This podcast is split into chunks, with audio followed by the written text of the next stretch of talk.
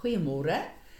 Ek wil ver oggend met ons gesels oor 'n vraag wat ek uh heelwat mee gekonfronteer word wat so 'n misleiding is en wanneer ek kyk na die mense wat uh, hierdie stellings glo se eie lewe, dan sien ek die vrug daarvan en dit maak my hart seer. Baie mense sal kom en sê, "Maar ek is die kerk van Jesus Christus."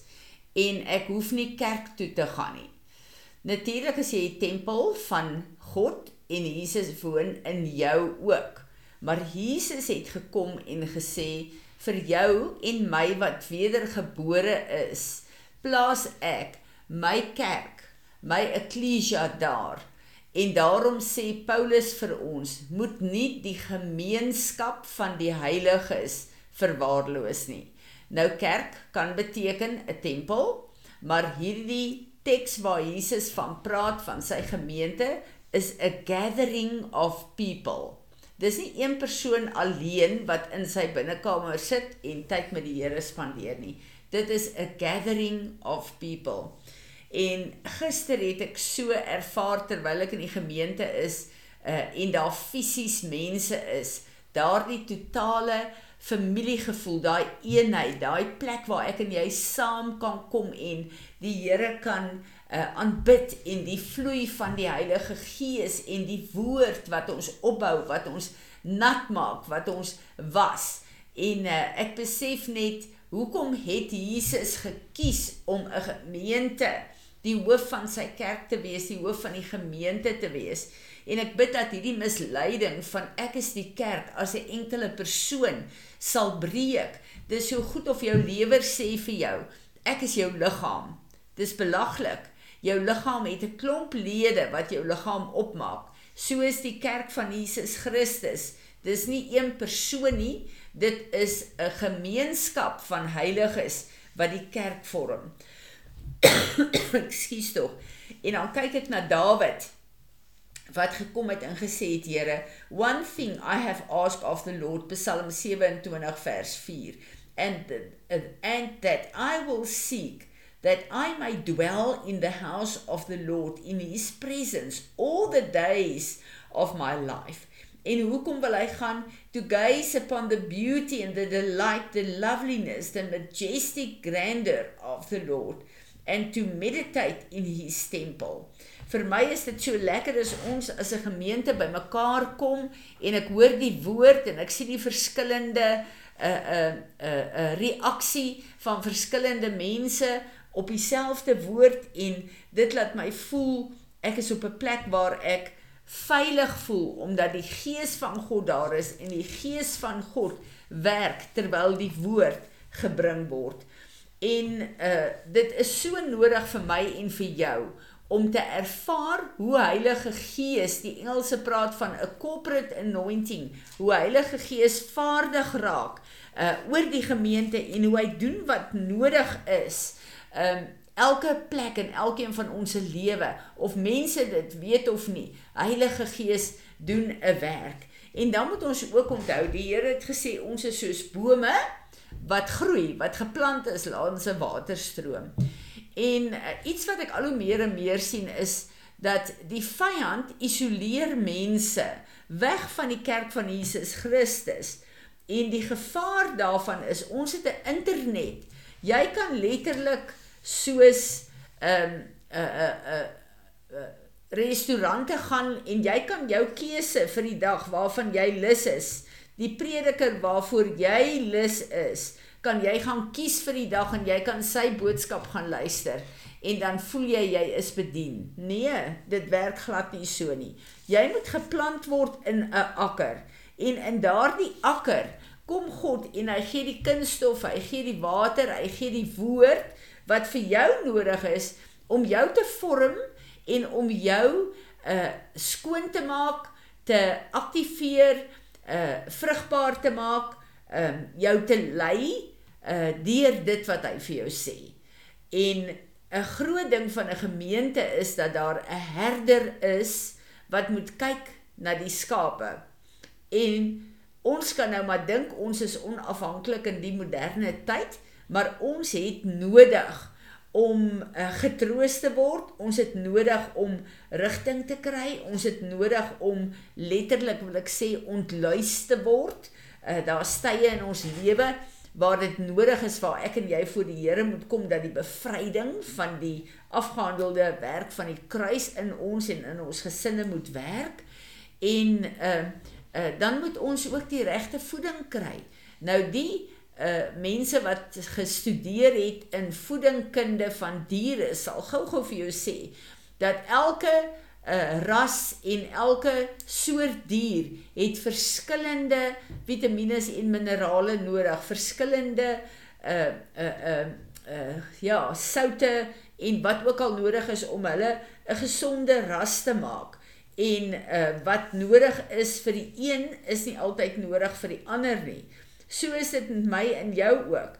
Ons is skape van sy weiding en dit is so dat afhangende van die roeping op my en jou lewe sal God ons plaas op 'n plek waar ons ontsluit sal word deur 'n sekere salwing wat op 'n gemeente is om uh te ontwikkel en te groei in die ehm um, die Engelse sê wessel wat hy wil gebruik. So hierdie is baie baie belangrik vir my en jou om te verstaan.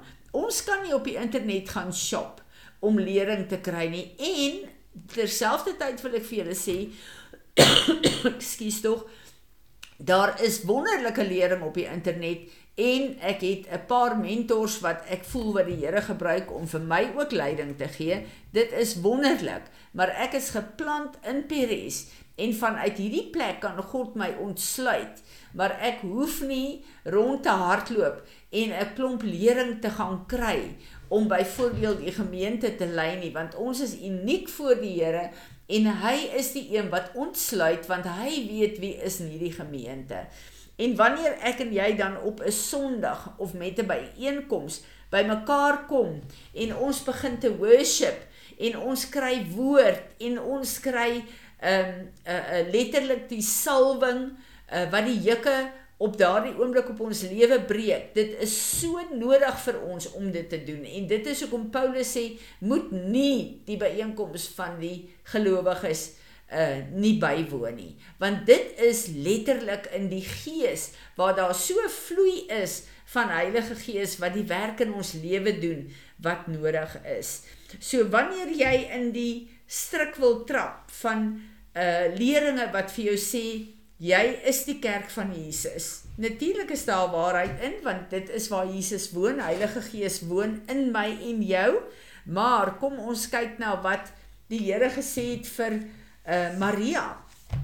Die tyd toe toe uh uh uh Martha en Maria uh vir Jesus in hulle huis het uh na wat gebeur het uh, uh toe hy uh, uh, uh na uh, die gedeelte in Lukas 10 wat ek wil lees, ehm uh, waar Jesus in hulle huis was en waar uh, Martha en Maria ehm um, albei in die huis was, maar albei 'n verkeerd 'n uh, 'n uh, unieke ervaring gehad het.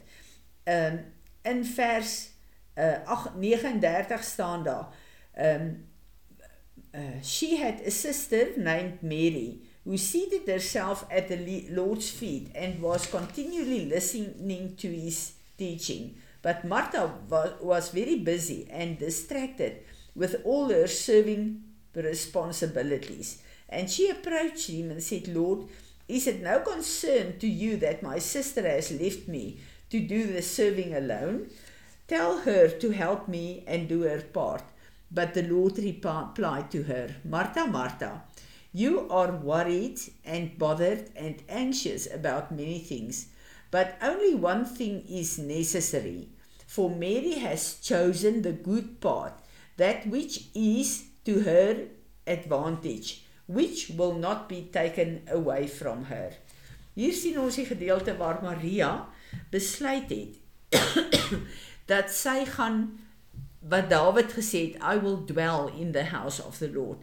So maak nie saak of dit besig is in jou lewe of jy 'n begrafnis op hande het nie of jy 'n uh, belangrike mense huisves nie, maak nie saak wat jy doen nie. As jy daai plek ingeneem het van I will dwell in the house of the Lord. Dis nie net 'n fisiese plek nie, dis 'n geestelike plek. Dis jou verhouding met die Here.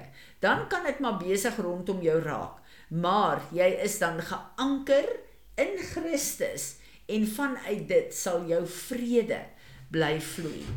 En ek dink uh, as ons kyk na hierdie twee gedeeltes wat ek gelees het, dan besef ons hoe belangrik is dit vir ons om uh, te weet dat daar is 'n plek waar ek en jy in die gemeente groei. En as ek en jy in die gemeente groei en as ons in God se wil is wat dit betref, dan kan uh, ons in 'n situasie wees waar soos Maria ehm um, uh, by Jesus se voete sit terwyl dit 'n besige en 'n moeilike tyd in die huis is, maar sy is geanker in Jesus. Maak nie saak wat haar omstandighede is nie. Ek wil 'n woord gee wat 'n baie 'n uh, rowwe woord vir my is. Baie keer wil mense hulle self afsonder en dan wil hulle nie kerk toe gaan nie want hulle het seer gekry in die kerk. Weet julle, as 'n mens kyk na 'n stuk rou vleis en jy sit hom buite neer, baie vinnig stel klomp vliee op. Daai seerplekke van jou wat jy nie na Jesus toe wil bring nie, gaan baie gou vir jou in 'n plek van bitterheid en offens en isolasie invat. Waar as jy daai selfde stuk vleis vat en jy gaan sit hom op die vuur. Dit is wat ek en jy doen wanneer ons Sondag onsself op daai altaar neerlê in die gemeente. Geen vlieg kan op brandende vleis sit nie. Dadelik is daar 'n verandering in daai stuk vleis. Ons kan nie seer toelaat wat nie genees in ons lewe nie, want dit lok die vyand om daarop te eet, te teer. En dan is daar iets van die vyand wat 'n mens nie agterkom nie as jy besluit om jouself te isoleer. Ek lees vir julle Spreuke 18 vers 1. He who willfully separates himself from God and man seeks his own desire. He quarrels against all sound wisdom and clo a close-minded fool does not delight in understanding. nou kyk 'n mens gewoonlik na baie mense wat hulle so afsonder en isoleer. Hulle praat nie. En hierdie skrif sê dan nou, hy wil uitbreek teen all sound wisdom. Jy hoef nie te praat in 'n fisiese stem om 'n verklaring en 'n standpunt te maak nie. Filippense 3 vers 20 sê, ons het conversations in ons kop wat kies of ons is besig met die vyand se conversations wat ons emosies en ons optrede beïnvloed of ons conversation is met Heilige Gees en dan sal ons doen wat sy woord vir ons sê. Ek weet hierdie is 'n baie pertinente woord, maar ek dink dit is ook goed dat ons onsself toets aan die woord en as ons uh, uit lyn uit is dat ons uh, vergifnis kan vra en vir die Here kan vra om die plek waar hy ons geplant het te gebruik om ons gesond en vrugbaar en vry te hou sodat ons hierdie wessels kan wees wat hy tot sy eer kan gebruik. Vader, dankie vir u woord wat duidelik is. Ek wil ver oggend kom en ek wil vra, elke plek waar ons in misleiding gegaan het, Here en uh ideologieë en stellings en persepsies uh en opinies gehad het oor die kerk en wat die kerk is en wie ons is Here wat uit 'n uh, lynheid is met u en u woord. Dan wil ek vir u vra om ons te vergewe hierdie goed oor ons te kanselleer. En Vader dat u sal kom en ons elkeen weer opnuut sal salf om vrugbaar te wees in die akker waar u ons kom plant het sodat ons geanker in u in u teenwoordigheid alles kan doen hier op aarde. Dankie Here Jesus dat ons dit in U naam kan bid. Dankie dat U die prys vir ons betaal het en dat U die hoof is van U kerk, maar ook die hoof is van ons. Amen.